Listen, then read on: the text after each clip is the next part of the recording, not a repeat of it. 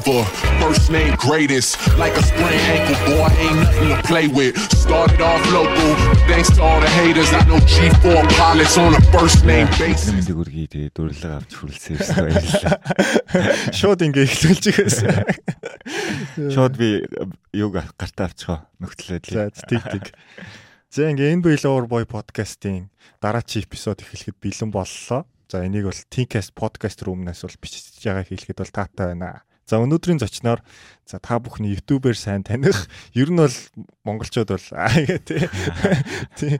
Ер нь монголчууд бол яг мэдэхгүй байх уу. Тий. Манай үеийнхэн бол нилээн таних панк рэпийн санжаа ах маань бол ирж ирж оролцож байна. За тэгээд сүүлд бол мэдээж тест үз санжаа суугаар нь бол сайн мэдж байгаа. Одоо бол одоо имч апийн бас хөгжүүлэгч гэдэг тий салбартаа бас амжилт гаргаа явж байгаа.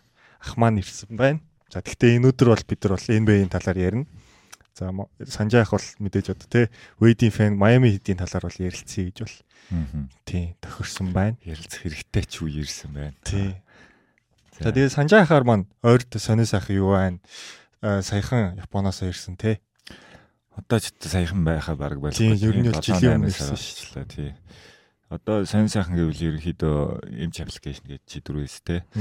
Одоо онлайнаар мэрэгчлийн эмчээс зөвлөгөө өгдөг, үзлэг хийдэг ийм аппликейшн хөгжүүлээд явж байгаа. Тэгээд ерөнхийдөө эрүүл мэндийн талын нэмж нарын одоо хариуцсан ажлыг нэг явж байгаа. Тэгээд ерөнхийдөө эрүүл мэндийн боловсрал гэдэг зүйл монголчууд их алдагдсан байдаг. Тэр талаас нь бас их л их ажиллахыг хичээж байгаа.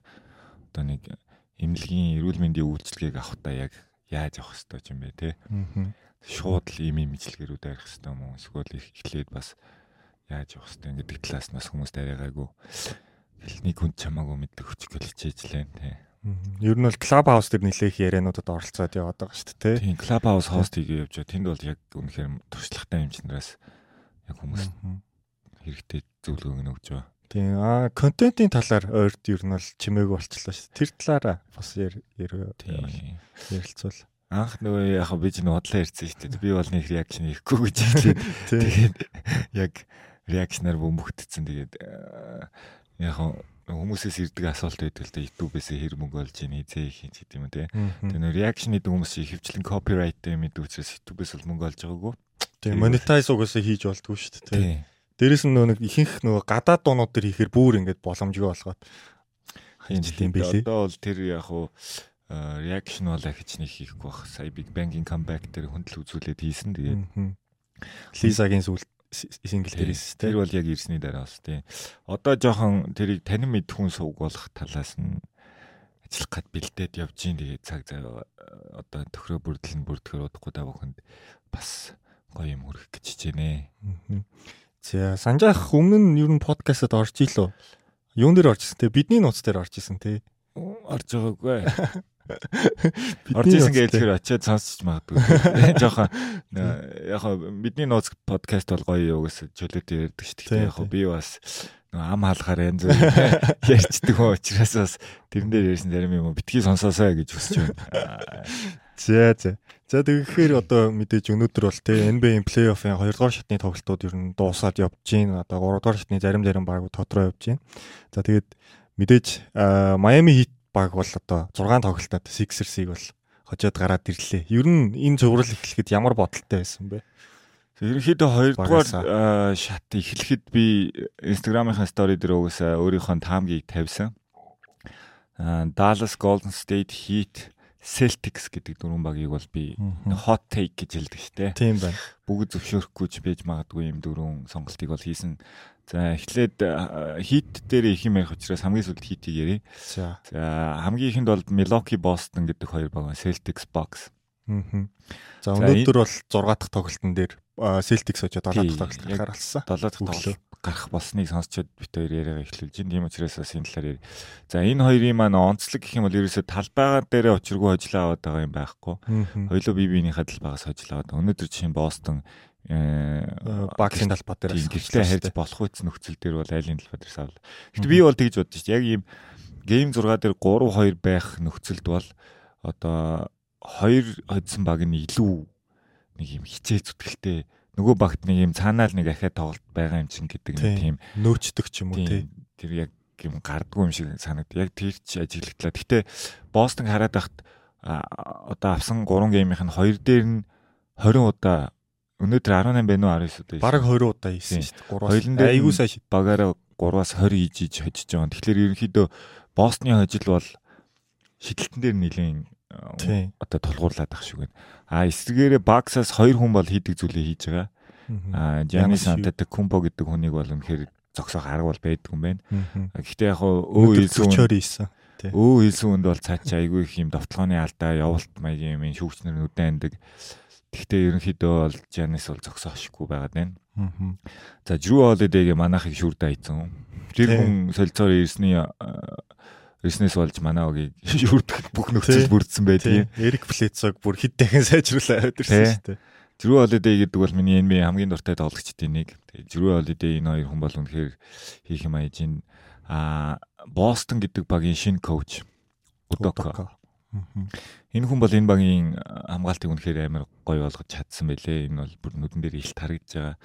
За тэгээд Jalen Brown, Jason Tatum гэдэг хоёр шинэ залууд ерөнхийдөө East-ийн финал руу бас жил болгон үзэх гэлээдэг.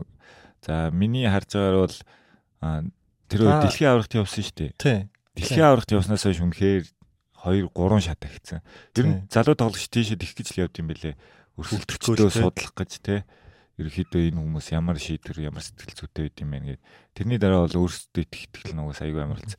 За дээрэс нөгөө нэг Крис Брикли гээд коуч шүү дээ. За а дасгалжуулагчтай шидэлтийн. Тэрэн дээр очисон хүмүүс бас аягүй амар хурдан төвшөөгдөг юм юм дэж хэлчихсэн. Тэгээ энэ хоёр ч бас давхар олимпиад явцсан шүү дээ өнгөрсөн жил. Тэгэхээр ялчгүй Тейтэн бол ингээд нэг левел ихэд орсон харагдчихлээ. Тэгээд э, ер нь бол би Бостон гэж харсан шалтгаан тэр энэ бол нэгдүгээр дасгалжуулагч бол хамгаалтын чиглэлийн дасгалжуулагч болсон.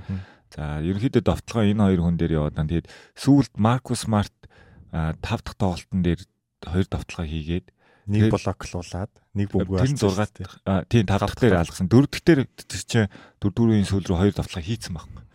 Тэгээ бас өөртөө ч ихтэлтэй байсан бах. Багийнхан ч бас тэгж Жрүү Холидейг хоёлынгийн хамаа аваа явчихна гэж бодоагүй байсан баг. Тэгээд э, сая гейм 5 дээр ялтчгүй хоёр бөмбөг алдаад.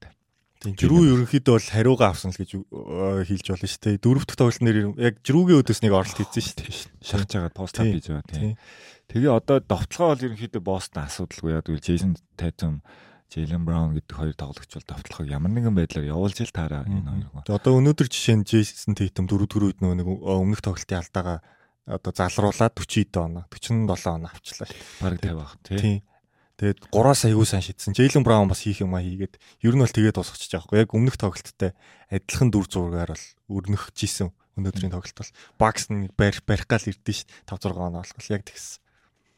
Тэгээд э, хамгаалагчд бас гоё хамгаалагчтай бүр удирдлагын сүлд айгүй гоё болоод авцсан Дэрэг White. Дэрэг White тий. Тайс ч гэсэн ер нь бол айгүй гоё толгойтой тоглогч. Тэгээд Тайс Дерек White орж ирээд ер нь бол хамгаалт бол бүр гоё цогцолцсон. Дээрээс нь Smart Depot явчлаа ш тий. Тэгээд би бол Celtics-ийг хамгаалтаар аавна гэж бодсон. Гэтэ үнэхээр Giannis бол Giannis юм байна. 7 дахь тоглолт хүртэл явлаа. За энэ хоёр багийг яагаад онцолж ирээд байгаа вэ? Энэ хоёр багийн аль нь гарч ирэхээс манай огийн бүсийн финалд бүсийн финал авах уугүй юу гэдгийг шийдэгдэнэ. Бостон бол манайхад үнэхээр тоглолтод тохирдгүй баг. Айгүй юу гэдэг. Тийм баясаа ах бас хэлжсэн. Хамгийн их айж байгаа багч юу гэсэн Бостон гэж бас нэрлэжсэн. Би бол бас тэгж хэлнэ. Тийм баясаа ахын яриаг үзэж байгаа орж ирдэг байж. Автахгүйгээр ярих хэрэгтэй. Тэгээд аа ер нь бол Бостноос хамгийн их айж байгаа. Бараг Баксэн дээр. За дээрээс нь Баксаас авах хөшөө байгаа бид нарт. Аа шүү шүүрийг буцааж өгөх хэрэгтэй. Гол нь бас Бакс хэрвээ гараад ирлээ гэж бодоход мидэлтэн ирэх үгүй юус амар их юм хамаарах гэдэг байгаа л та. Би бол тэгж бодож. Баксын фэнүүд энийг зөвшөөрөхгүй гэж магадгүй. Гэхдээ миний хувьд бол Бакс мидэлтэн байгаагүй нь баг дээр юм шиг санагдаад байгаа шүү дээ. Яагаад? Би бол Баксыг мидэлтэнгүй үедээ илүү сайн тоглодог гэж хардсан шин. Тийм үү? Э, сая жишээл өнөөдрийн тоглолтын дээр бол би яг мидэлтэн байсан бол дуусгачлаа л гэж харж исэн байхгүй юу? Ягаад тэгэхээр нөө нэг яг нэг ингээл оноо ойртоод ирэхэд энэ яанаас ингээд товтлогооны алдаа авдаг ч юм уу те. Жирүү бол бас амар консистент товтлогоотой тоглогч биш шүү дээ нэг 15-аас 20 оноо. Яг мидэлтний 2 3 шидэлтэйсэн бол хожиж байсан л гэж би харсан. Дээрэс нь нөө нэг Грейсон Аллен, Жорж Хил хоёр дээр Тейт маяг их зурж харагдсан те. Тэрний оронд мидэлтэн одоо байсан бол ингээд зүрх тийм юу байхгүй ч юм уу те. Мидэлтний яг хоёр тоглолт. Яг Джейсон Эдмийн довтлогоон дээр ярих юм бол мидэлтэн хамгаалахгүй л байна л та. яг зөрүү гарахгүй бах. А зүгээр яг чиний ярьдаг тэр нэг оноо авахч гэдэг чи одоо мэдлэлт өөрөө өндөр цалинтай хүн шүү дээ.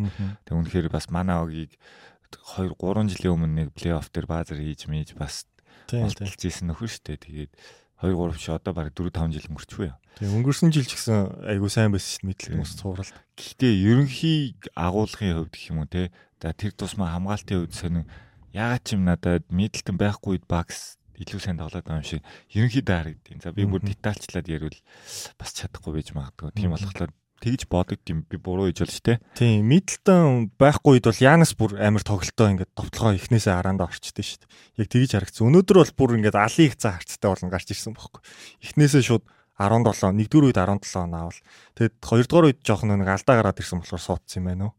Тэгэл уул нь өмнөх тоглолтоо яг адилхан дүр зургаар явуулчихсан. Тейтем тэгэл дуусгасан л та өнөөдөр л гол ялгаа нь тийм байна. Тэгээд э, цаанаасаа бол би э, залуу за одоо залуу баг гэхлээр бас тохиромжгүй. Ямар нэгэн байдлаар боссны гараад ирээсэ гэдэг бодол байгаа. Яг тэгвэл тоглолт айгуу гоё таалагдж гихтэй айж байгаа. Мэдээж манай огт хамгийн тохиромжгүй. Чин манайх боссын багс хоёрыг давчвал West-ээс гарч ирэх багууд манад ерөөс асуудал биш юм шиг санагдаад байгаа Яг одоогийн байдлаас харахад шүү дээ тий. Ер нь манай багийн чинь хамгийн давуу тал нь perimeter defense шүү дээ. Тий. 3-6-аас дагуух хамгаалт маш сайн. За одоо манай замины тоглогч гэсэн тэрийг маш сайн хийдэг. За Eric Spoelstra-гийн ч гэсэн өөрийнх нь давуу тал тий. А тэгэнгүүт манад яг тэр одоо Curry-тэй, Clay-тэй ч юм уу тий. Эсвэл эсрэгтэлт нь Luka-тай Jalen Brunson-тэй тийм CP-тэй энэ багууд бүр үнэхээр асуудал биш санагдаад байгаа байхгүй. За яг хөө мэдээж энэ бол ингээд нөх хитрүүлсэн яриа штэ.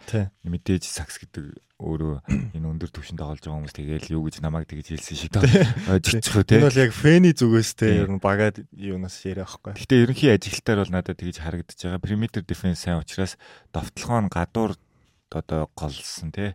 SG PG дээр одууд нь байгаа энэ багууд бол манад бол гайгүй. Одоо сая л гэхэд эхний шатанд жишээ нь Трей ангийг ажилг болгоц тий. Хоёрдугаар шатанд Джеймс Хардныг одоо бас хүн биш болголоо ш нэг тоглолтоос бусдаар. Яг хоо Джеймс Харден дээр за эргээд Филидгийн цуврал дээр орж ирэхээр яри. Тэр Трей Йонгийг бол тэгсэн тэгээд угаасаа яг Трей Йонг Jamorant гэд хоёр залууд болгож айгу талчгар талдаа штэ тий. Ер нь бол тэгээ ерөнхийдөө энэ хүмүүс цаашдаа бол гялцхан тодорхой гэхдээ арай дэлчинж жагаад арай бүксэн дээр бас бүлэнжийн тавиуллаа тий.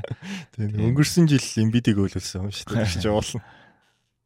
Тэгээд ер нь бол Бостон Багс хоёр дээр тийм бодолтой байгаа. За гейм 7 дээр та бол ер нь бол Celtics гэж бодож байна тий. Стон надад болоод хэлж мэдэх юм алга. Энэ хоёр баг 6 тоглолт өстой талбай дээр аваад исэн бол би одоо чинь талбайд аваад л Бостон хэлчихмээр байна. Тэгээ өнгөч энэ хоёр чинь нэг нэгний талбай дээр нэг нэгээ усаад. Тийм Багс ч очоод хоёр очсон шүү дээ. Тийм. Би бол яг яг эхлээд би бас таамага 4 3 гэд Бостон гэж өгсөн бохгүй. Тэгээ ер нь ингээд цувралт хараад байхад яг одоо энэ Tatum энэ гурав одоо гуруулаа сайн тоглож ижил хожид. Тийм, тийм байгаад байгаа хөө. Тэр тэр айгүй юу. Яг ахаад өнөөдөр шиг 3 хүн сайн тоглох уу? Тийм, смарт өнөөдөр одоо 7 молоо 5 аваа дагуураас хийх үү гэдэг бол хэцүү шүү дээ, тийм. Яг тэгжиж бостой хожид байгаа учраас бас айгүй юу. Ерөнхий ингээд бүрэлдэхүүний хамгаалтыг харахаар уг нь бост илүү байгаа. А довтлогоо нь болохоор Жанис гэдэг хүн маань яасан ч нэг 30-аас дээш оноо аваад байгаа. 30 10 хийгээл яваад шүү дээ. Тэгээ нөгөө нэг блокож хийдэг, стилэж хийдэг те. Тэгээ дээрээс нь хүмүүсийг алдааны асуудалд оруулцдаг. Дээрээс нь Баксаас өнөөдөр бол X factor бол баг байсангүй яг Янас нэг 40 20 хийсэн болохоор бусдынхны стат нь айгүй таараа байсан. Яг Connect-ны юу бас айгүй гоё үлээ. Дурдах хэрэгтэй байх та цаачин бол жишээ нь бас оноог явуулахад нэлээд тус бас. Тэр яг нэг мэдлэлтний авах хэрэгтэй оноог хин нэгэн авч таарна. Тэр нь Connect нь л байж таарад байгаа юм л та. Одоо би Баксыг бол эх тоглолтод Брук Лопцыг суулгаад Бобби Портстэй эхлүүлж магадгүй гэж бодсон. Өнөөдөр нэр Брук Лопц гарсан шүү дээ. Лопц өнөөдөр бол бүр амар ашиггүйс бүр нэгээр явсан чинь сулс бол тохолтой алддаг ч юм уу те. Ер нь бол жоох удаад байгаа талтай. Ер нь удаан болохоор Бобби Портсыг сая өмнөх шатанд гэсэн зөвхөн дандаа гараан гаргасан шүү дээ. Бобби Портс дээрээс нь өөрөө бас шидэлт нь айгүй сайжраа ороод ирсэн сүүлийн 2 жил. Тэгээд дээрээс нь 5 дахь тоглолтод X Factor болчихсон шүү дээ. Самбраас аваад ирсэн. Аал Хорфордыг ярих хэрэгтэй баг. Аал Хорфорд үнэхээр 2 жилийн өмнө хөгшингээд амрааж тий тоглолтод амрааж исэн хүн шүү дээ тий. Тэгэхээр тэр хүн өнөөдөр Genesis-тэй одоо алцаад шар дон авч маваа тий. Шар хорн гоцоогоо тий хариугаа авч маваад явж ин. Тэгэхээр Ал Хорфорд бол үнэхээр бас нэг цаанаасаа нөгөө нэг техник сайтай тий. Тий. Тийм. Тэгээ Босны яг хоцсон 3 тоглолтын бодон нэгэн дээр нь Хорфорд галзарч байгаа. Нөгөөх дээр нөгөө 3 нас галзарч байгаа. Заавал бас нэг нөгөө хоёрд одоо зөвхөн дайраад хождгоо гэдгийг л яхаар би бол багс гэж бол таамга өөрчлөлөө. Өөрчлөх жоох ер нь бол ингээд цувралын туршид ингээд яг үдсэн үний үед. За дараачийн хитийг сүүл дээрээ гэсэн юм чи Вестийн цувралуудын талаараас ярих гэж байна. За яагаад технээсээ даалс гэж сонгосон бэ? Даалс санс дээр. Hot take гэж шүү дээ. Ер нь бол ийм байгаа да. Би бас одоо бас 20 жил сакс үзчихлээ, NBA үзчихлээ. Тэгээд яг нэг дунд нь орж тоглосон бол 20 жилээ гайхуулгаа. Тэгээд үтснээ нэг 20 жил гайхуулах нь.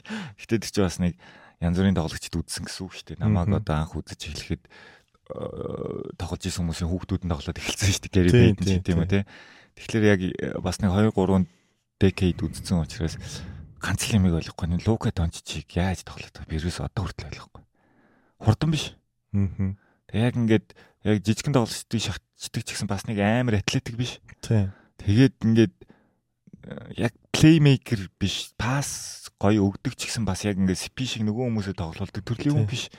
Гэтэл ингээд бүх талын ур чадвартай тий. Гэтэл ингээд оруулаа л юм. Энийг одоохондоо би ойлгохгүй байна. Дамжуулаад нөгөөдөл нь яагаад нэг Энд Лука ялч нөгөө 16 тагаас хойш томчуудтай тоглолцсон учраас дандаа өөрөөсөө хүчтэй, хурдтай, том биетэй хүмүүстэй тоглоод сурцсан учраас яг ямар ч хүмүүстэй тоглох бол тийм чадвар суудсан юм билэ.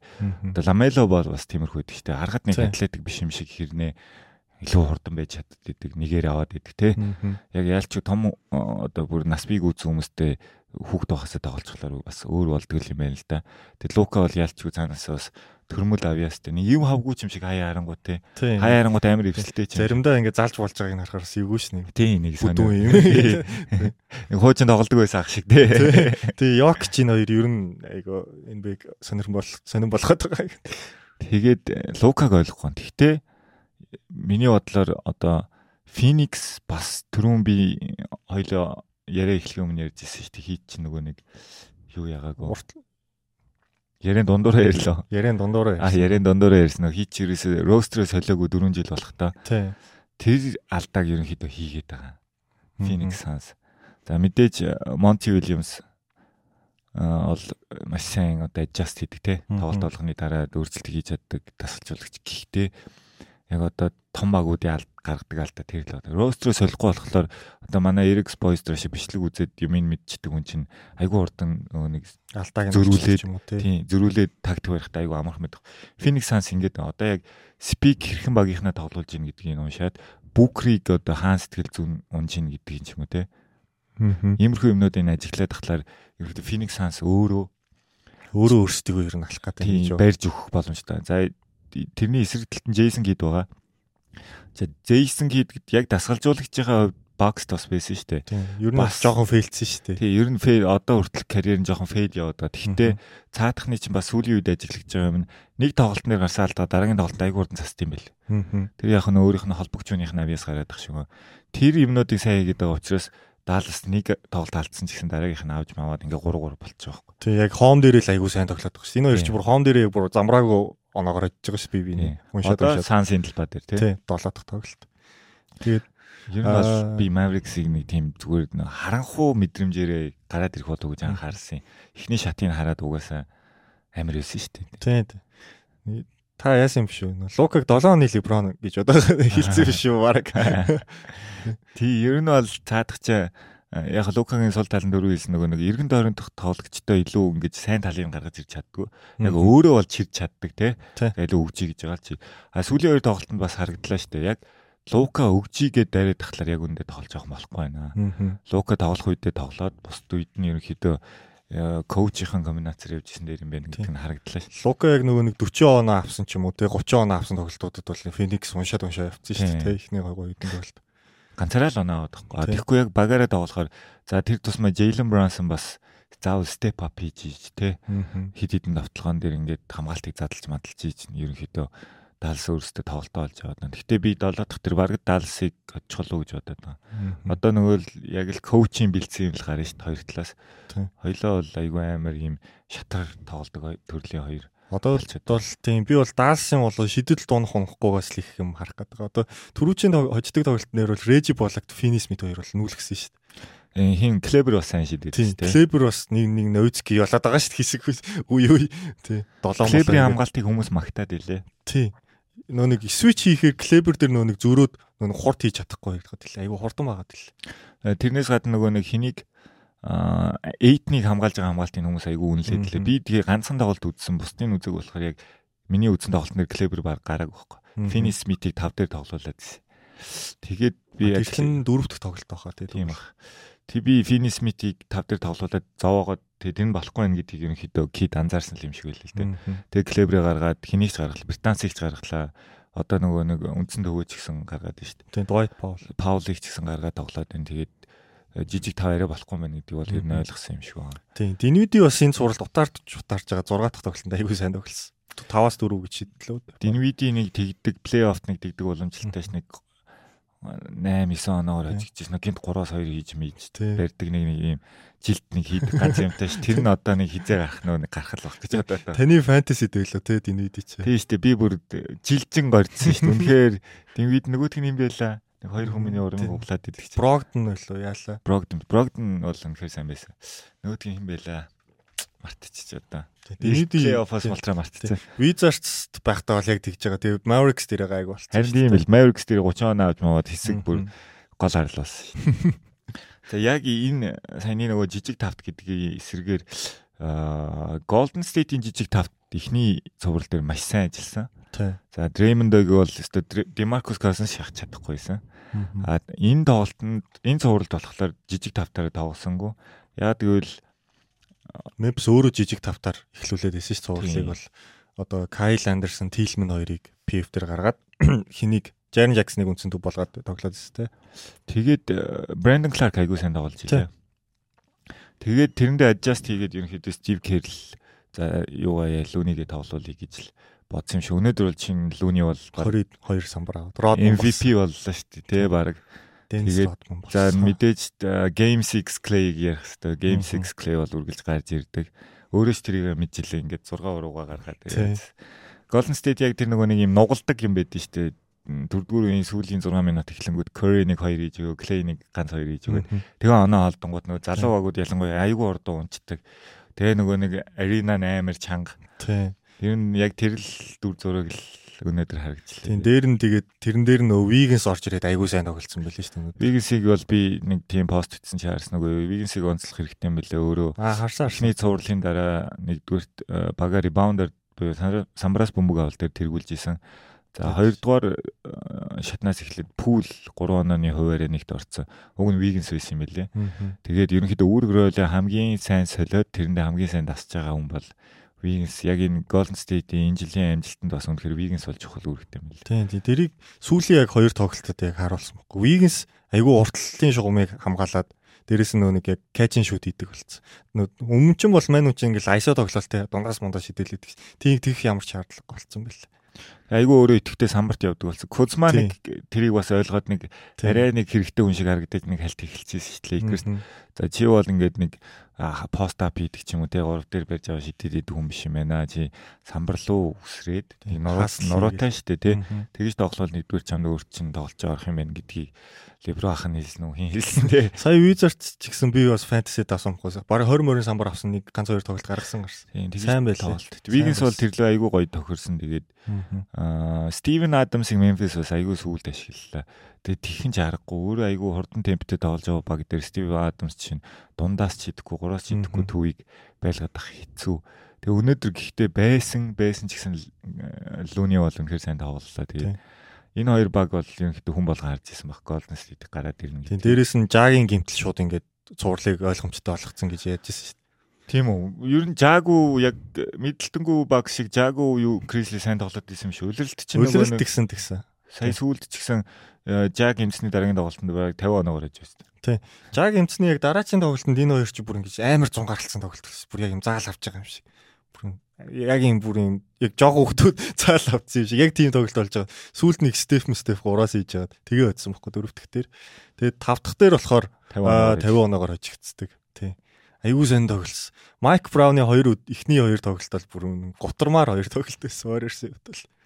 Харин э, ер нь бол би Golden State-ийг ямар ч асуудалгүй гараад ирчих байх гэж бодсон. Ягаад гэвэл Тимэр Вулфстэй хийж байгаа тоглолтыг харахад ерөнхийдөө бас үнэхээр залуул хүмүүс байна. За энэ баг бол дээшилж доошлол те Гризлис бол. Энэ баг бол амар ирээдүйтэй баг. Гэхдээ энэ баг яг энэ бүрэлдэхүүнээр удахгүй баг. Ерөнхийдөө Jamarant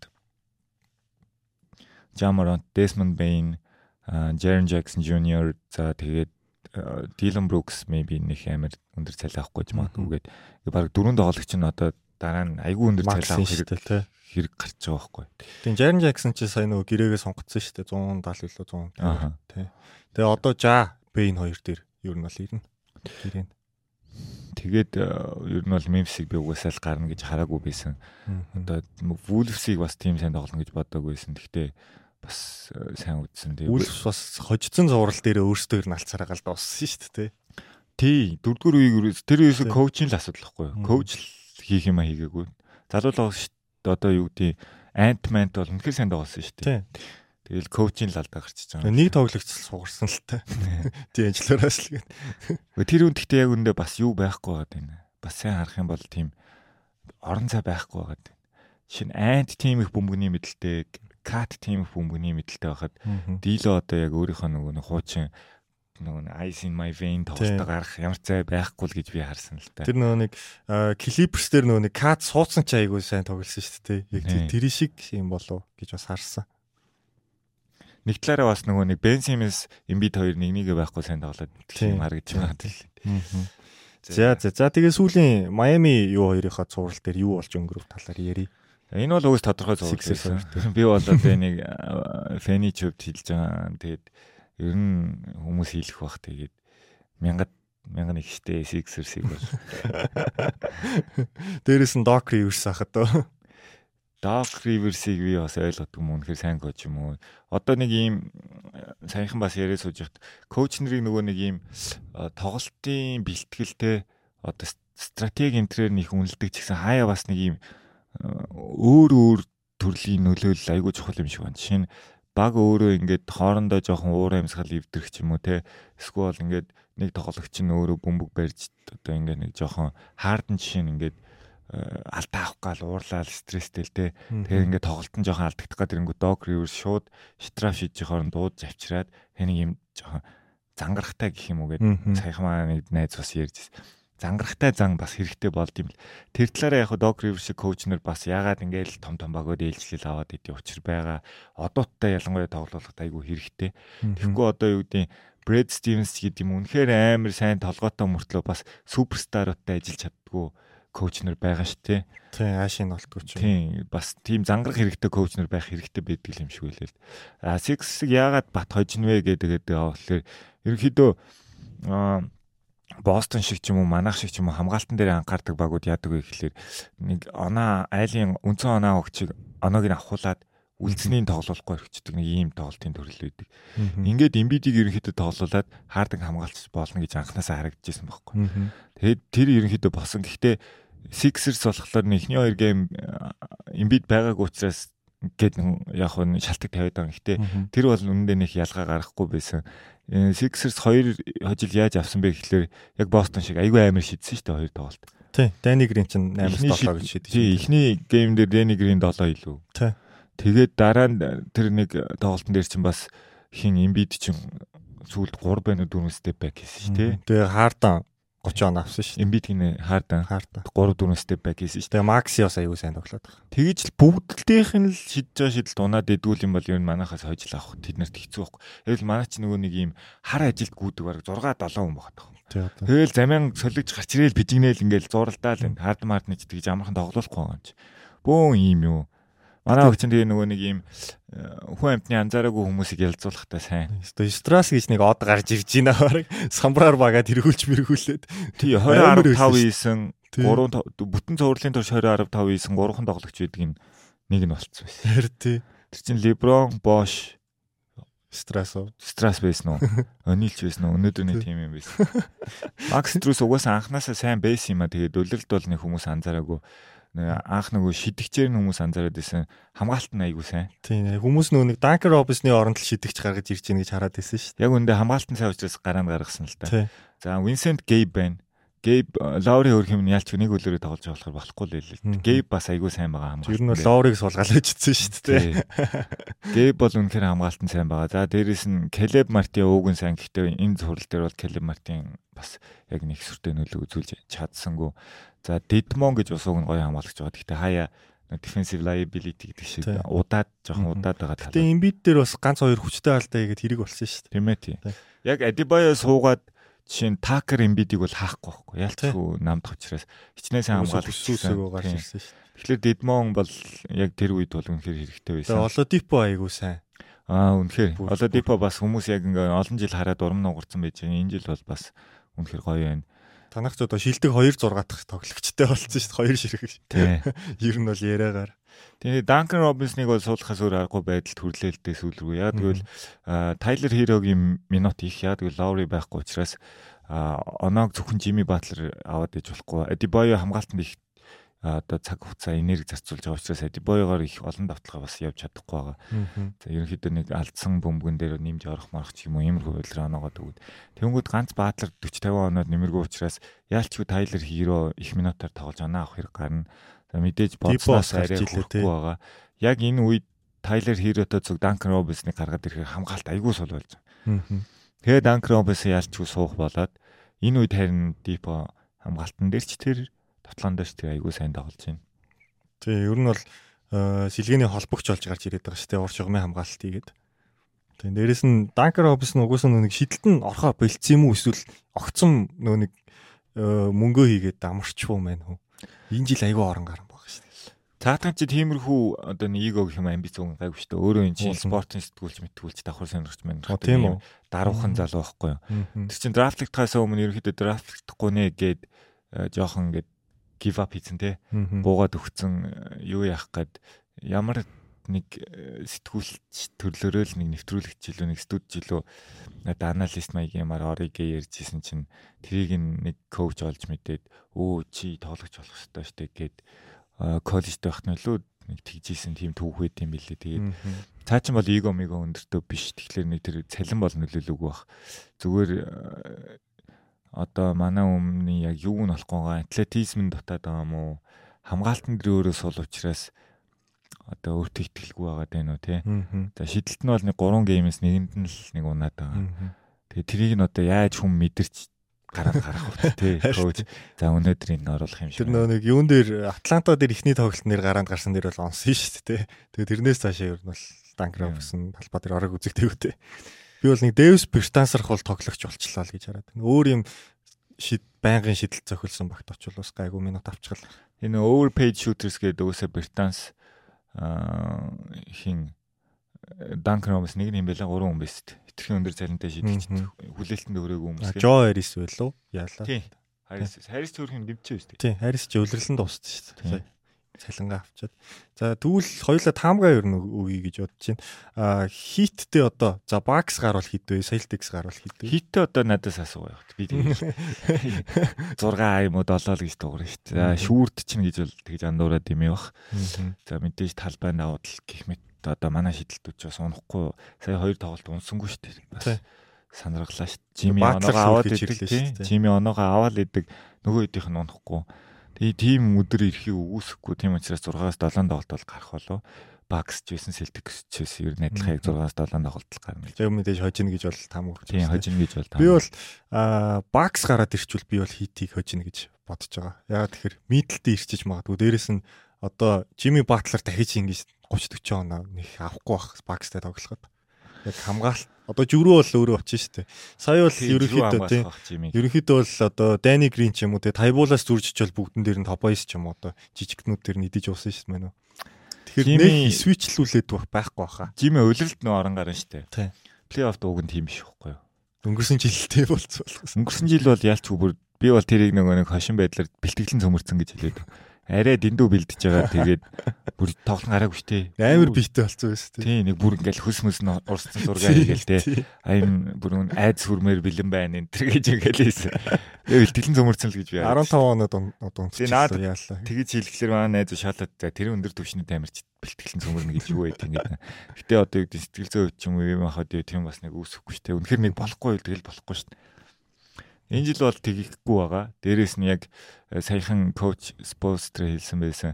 Way Jimmy хоёрт нэг давуу тал байна. Яг плей-офф эхлэхлээр тэд нэр шал өөр болдог. Чинь уйлал 28 30 2 3 хувьдаа шидэж хагаад 3-аас плей-офф эхлэнгүүт тэр 35-аас дээш 40 мөч болоод эхэлсэн. Тийм нэрээ айгүй сайн шидэд эхэлсэн шүү дээ. Тийм яг ингээд тэр чинь нэг фокуслахлаар яг тэр талаараа тэр хоёрыг айгүй адилхан байна гэж дурдсан байсан. Тэр нь ч үнэн угаасаа. Яг плей-офф тэр бол жими өөр хүн болдог. За тэгээ одоо одоо нөгөө нэг Коби ах шиг ч юм уу тэгээ нөгөө нэг айзо ихээр нөгөө нэг юм ганган чамин биш учраас Жимигийн тэр нэг 40 оноо Айзоор яваад байгаа нь хайлайтанд орохгүй те хүмүүс анзаарахгүй байгаа. Гэхдээ яг үнэхээр Жими аль өгчий гэж яваад бусдыгаа холдуулж байгаа ороход хамгаалж чадахгүй байгаа хүмүүс. Тийм. Тэгэхээр энэ товтлогоо бол одоо чинь дарааныхын за жирүү хамгаалж магадгүй жирүү одоо жирүү дээр ирнэ, Янас дээр ирнэ те мидэлд ирчих юм бол. Ер нь тэгж нөх амар амар мисмач үүсэхгүй байх л гэж би бол харсан. Янис бол хамгаалахгүй шүү дээ. Яаж Янисыг ганцаарынгийн юу яагаад. Гэхдээ яг хуу Коното Матьюс хоёр ерөнхийдөө бол очоод Янс Хелп дефендерээр л очихлаа. Матьюс ирвэл бүр би баярлаад алга таашаад тэгэл хамгаалах гад үзэх гээд. Сая одоо энэ юун дээр гарч байгаа шилэм гарна л та. Тейзон дээр гарч байгаа юм шилэм л гарна л та. Грант Хил ч юм уу Матьюс ч юм уу Конотын трийг аваач үзүүл бол ерөнхийдөө фейлдэн. Тэгэхээр ерөнхийдөө жирүү л нухалцсан гэсэн үг. Тэр нэг талаараа ашигтай болов яг үл жирүү Жимити тэгж их нухалцаад байвал ерөнхийдөө товтлогон дээр гаргадаг юмнууд гаргаж чадахгүй байх гэж бодсон. Тэгээд тэр тусмаа ихний хагаст жирүүг их зовоох тусмаа саяны Маркус Смарт дээр хамгаалсан шиг хамгаалтыг төгсгөлт хэр гарах уу те ингээд магадлалын юм болоод явчих واخ. Дээрээс нь би бас Кайл Лоуриг нь бэртэл жоохон хэцүүдүүлчихүүл гэж хараад байна. Лоури уул нь байх нь хэрэгтэй шүү дээ. Үнэхээр хэрэгтэй. Үнэхээр гоё тоглож хэрэгтэй. Тэгвэл Жими за 40 50 он авчид бусдыг бас хамгаалчих болох хүмүүс байхгүй. Одоо жишээлбэл байн бол баг багсын үдэс нөх амир давтлахгүй бах. Өнгөрсөн зуралд бас харсан шүү дээ. Өнгөрсөн зуралт хийж өнгөрсөн жил бол дундаас л нэг шидүүл шиддээд байсан. Дээрэс нь Янасыг яг хуу ингээд хамгаалдаг хамгийн сайн баг гэгдэг ч гэсэн Янас тэгэл 30 10 хийгээл явчих байх. Би бол тэгж л бод. Тийм тэрдэл дээр бол би дөрөв хэлсэн дээр л бодож ин л доо. Янис юм бол авдаг оноог нь өгөөл үлдсэн хүмүүстээр л хамгаалтай хийх байх. А тэгээ зөрөөд гол нь манай нөгөө шидэлт яаж унах уу гэдэг л. Одоо Тайлер Хэрэгоо бас нэг 6th man of the year-э батлахыг бас нэлээд хүлээж шít тий. За чи ууг нь нэг тоглолтноо орчвол бас тоогоо зоогоо явчдаг. Нэг 20 оны баабал талхсан шиг явж байгаа. Тийм юм ин одоо бас юм тэгээд манайханд ууг нь ганц давуу тал нь тэр сюрприз барих тоглогчд бас хэд хэд байгаад байгаа гинт галзуурж байгаа. Страс нэг 2 3 хийдэг ч юм уу те. Эсвэл Келеб Мартин Дипо өдр бас цоолж магадгүй. Тийм гэхдээ яг би бол бакс сочиж магадгүй гэж бодог. Аа харин Celtics-тэй бол хит талбайн даваа тал ч юм уу те. Дээрээс нэрэ ротейшн зузаан болохоор би бол хожиж байгаа. Ер нь бол тоглолтын арга л яг адилхан шүү дээ. Тий, одоо одоо байгаа ростерын төрөл айгүй төстэй байгаа. Гэхдээ яг хаа ганц зөрүүн л Джейсон Татум л байна л да. Джейсон Татум шидэх гэж үзэх үү, орох гэж үзэх үү гэдэг л асуудал. Джейсон Татум шидэх гэж тоглоод байвал манад ашигтай. Довтлоод эхлүүл хэцүү. Аа. Ерөнхийдөө. За тэр хоёроос бол ер нь бол нэг тийм юм байна. За тэр хоёрыг ер нь давчвал тэгээд нөгөө талаас хин хідэн геймийн дараа гарч ирнэ бол хамаагүй угаасаа. Энэ одоо одоо Warriors-тэй бол одоо Mavericks, Suns хоёр гэн. Би бол аль нь ч Warriors-тэй гарсан Suns Mavericks хоёрын нэг л очих байх л гэж харж байгаа.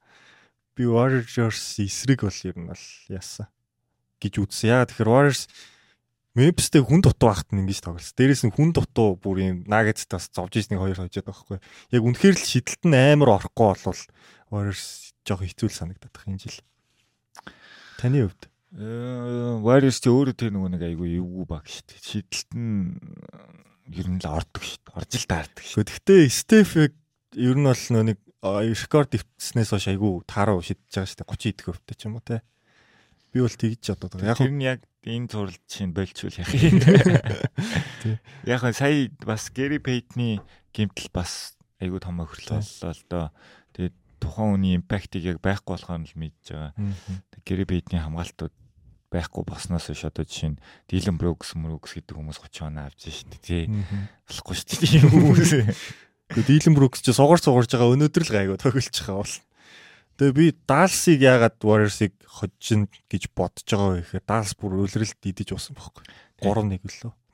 Идэж ус. Лука бүр ингэж Лука тухтай баг л да. Лука бол яг гоё тухтай тоглолцсон. Бүр бүгдэн дээр нь ингээ мисмэж гаргасан. Би бүр тэгж байгааг нэр Леброноос л харчихсан Warriors-ээс. Dallas Golden State гэж биний таамгаар хэрэг гарах юм бол ер нь гараад ирэх баг. Тийм би бас Тэгээ манайх Bucks Celtics-ийн давааг давчих юм бол Даллас бол гайгүй дээ. Тэгээ Даллас Swiss Miami гэдээ бас хувьчны юу Эвгүй уучрал уучрана шүү дээ.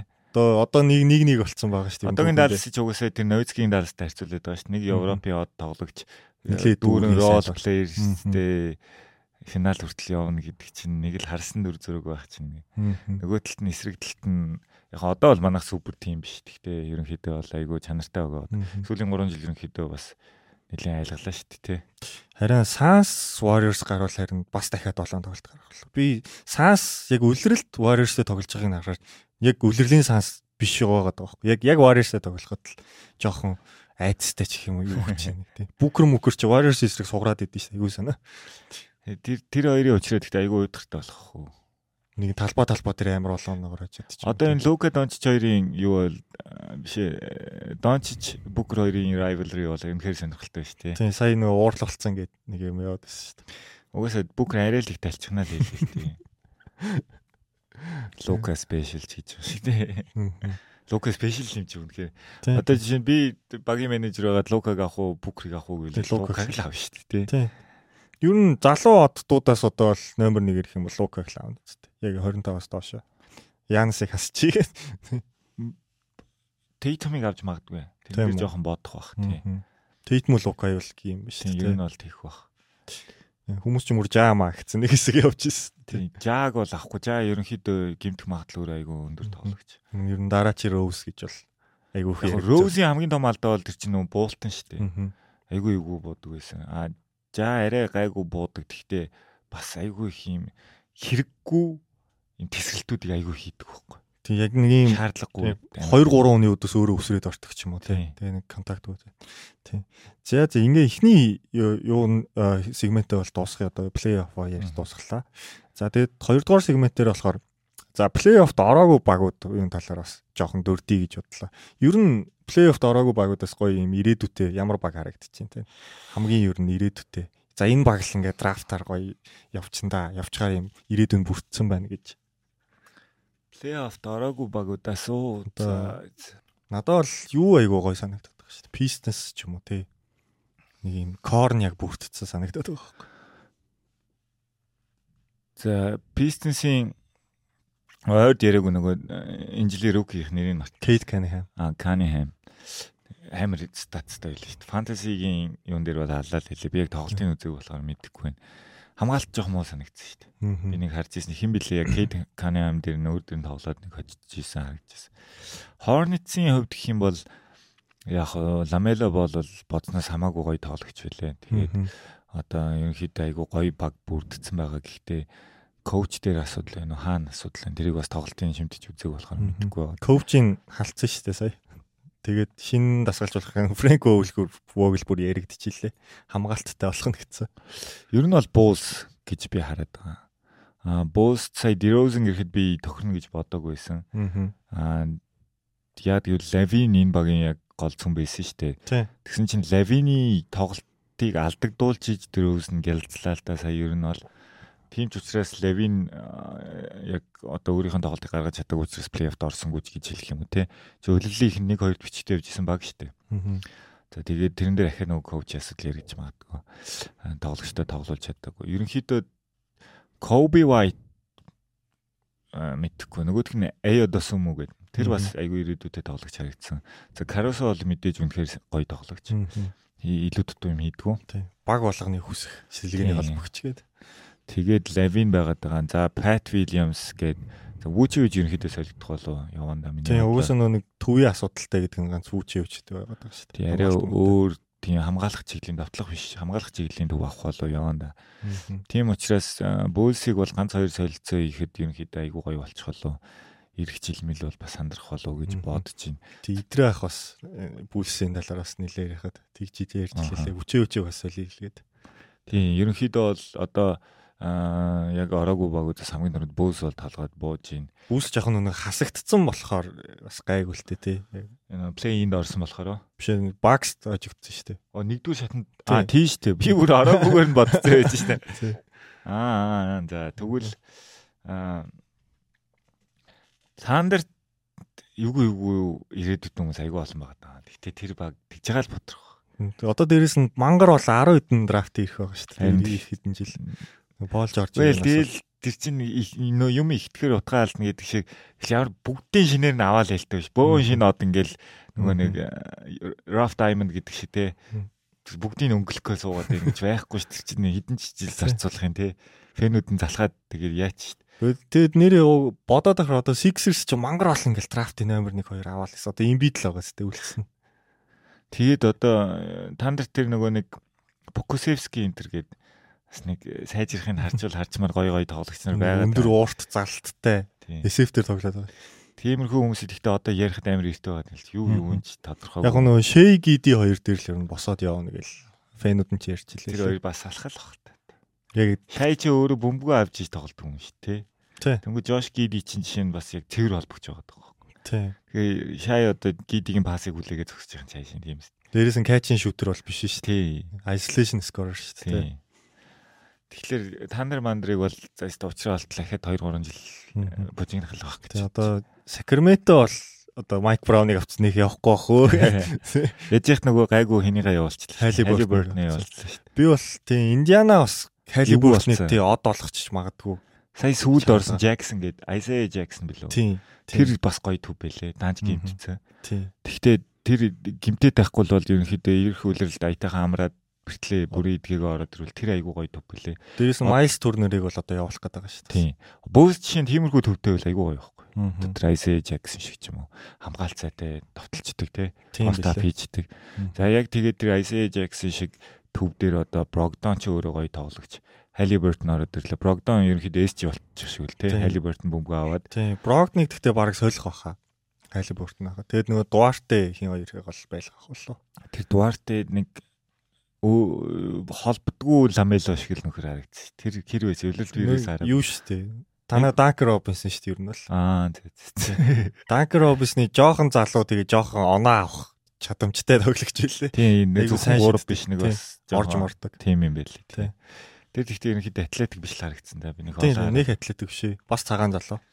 Харин тийм ээ. Pacers бас тийм ээ тийм гоё тэгээд хэн байгуул одоо коуч нь? Pacers-ийн чинь нөө нэг хин блээ. Нэрийг хин блээ мартцсан ба шүү дээ. Сүүлд Нейт хараагүй. Рик Карлайс л байгаа. Хуучин гарсан. Рик Карлайс юм тий.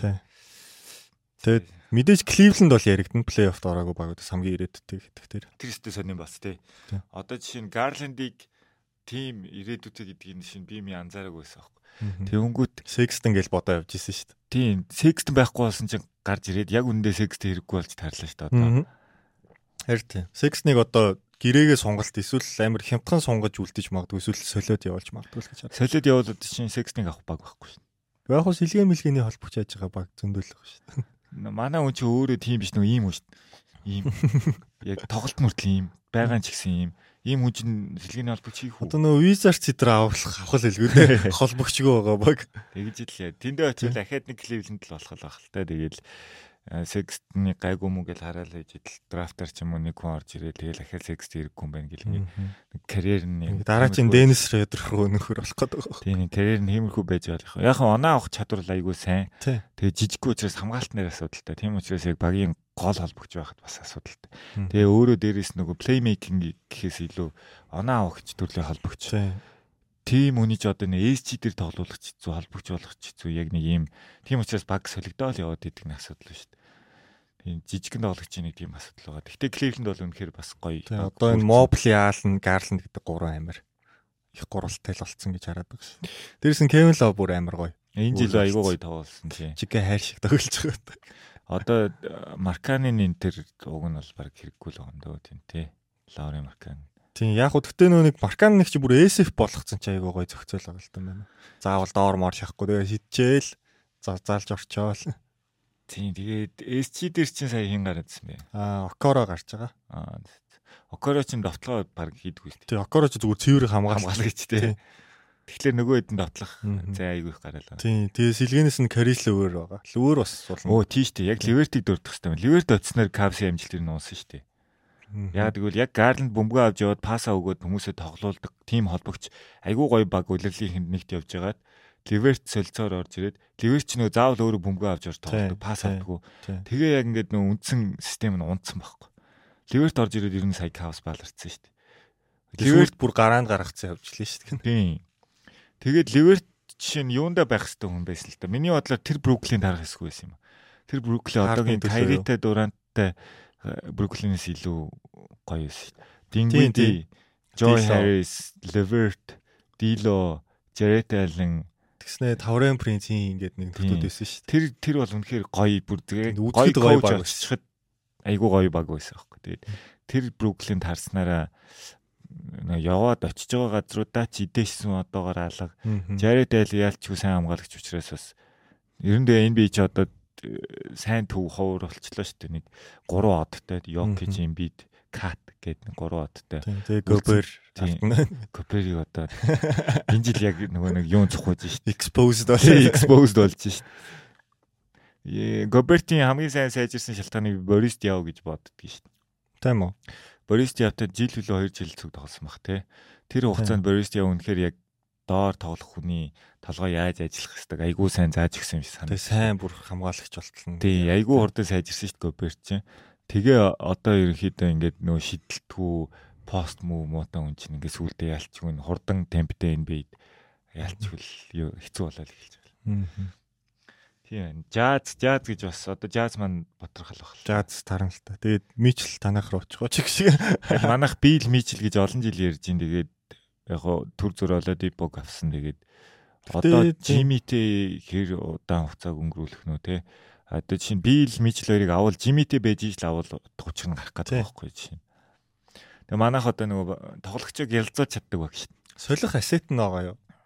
Одоо хиро нөгөө л алдарч гурвал данкер байсан хиро драфт их гэл нэг тиймэрхүү юм бол ярьдаг баг. Тэгээд одоо хиро бол яг нэг ард түмний хайртай хүү гэдэг шиг Майамигийн хайртай хүү болчиход байна. Гэхдээ яг үнэхээр ийм байнгын контентер баг байхын тулд тиймэрхүү золиосыг Пет Райли бол хийхд бэлэн л баг гэж байна. Дээрээс нь хиро ч ингээд хамгаалт нь нэг тэгж сайжрахгүй шүү дээ. Сайжрахгүй байгаа чинь хамгаалдаг багт байж ийж тий.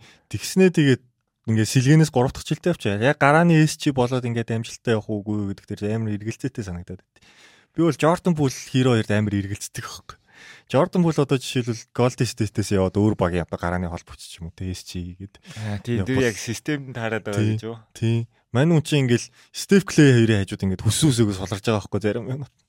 Тэгж л хараад идэв шүү дээ. Хиро бас хамгаалтууд тоглогчийн ирээдүй хэцүү байдаг юм аа. Хиро бас ер нь бол бас ингээд сэлгээнийхэнтэй ингээд алцаад байна уу. Гэтэ яг хөө мэдээж гол систем нь бол явж л да оноо авах.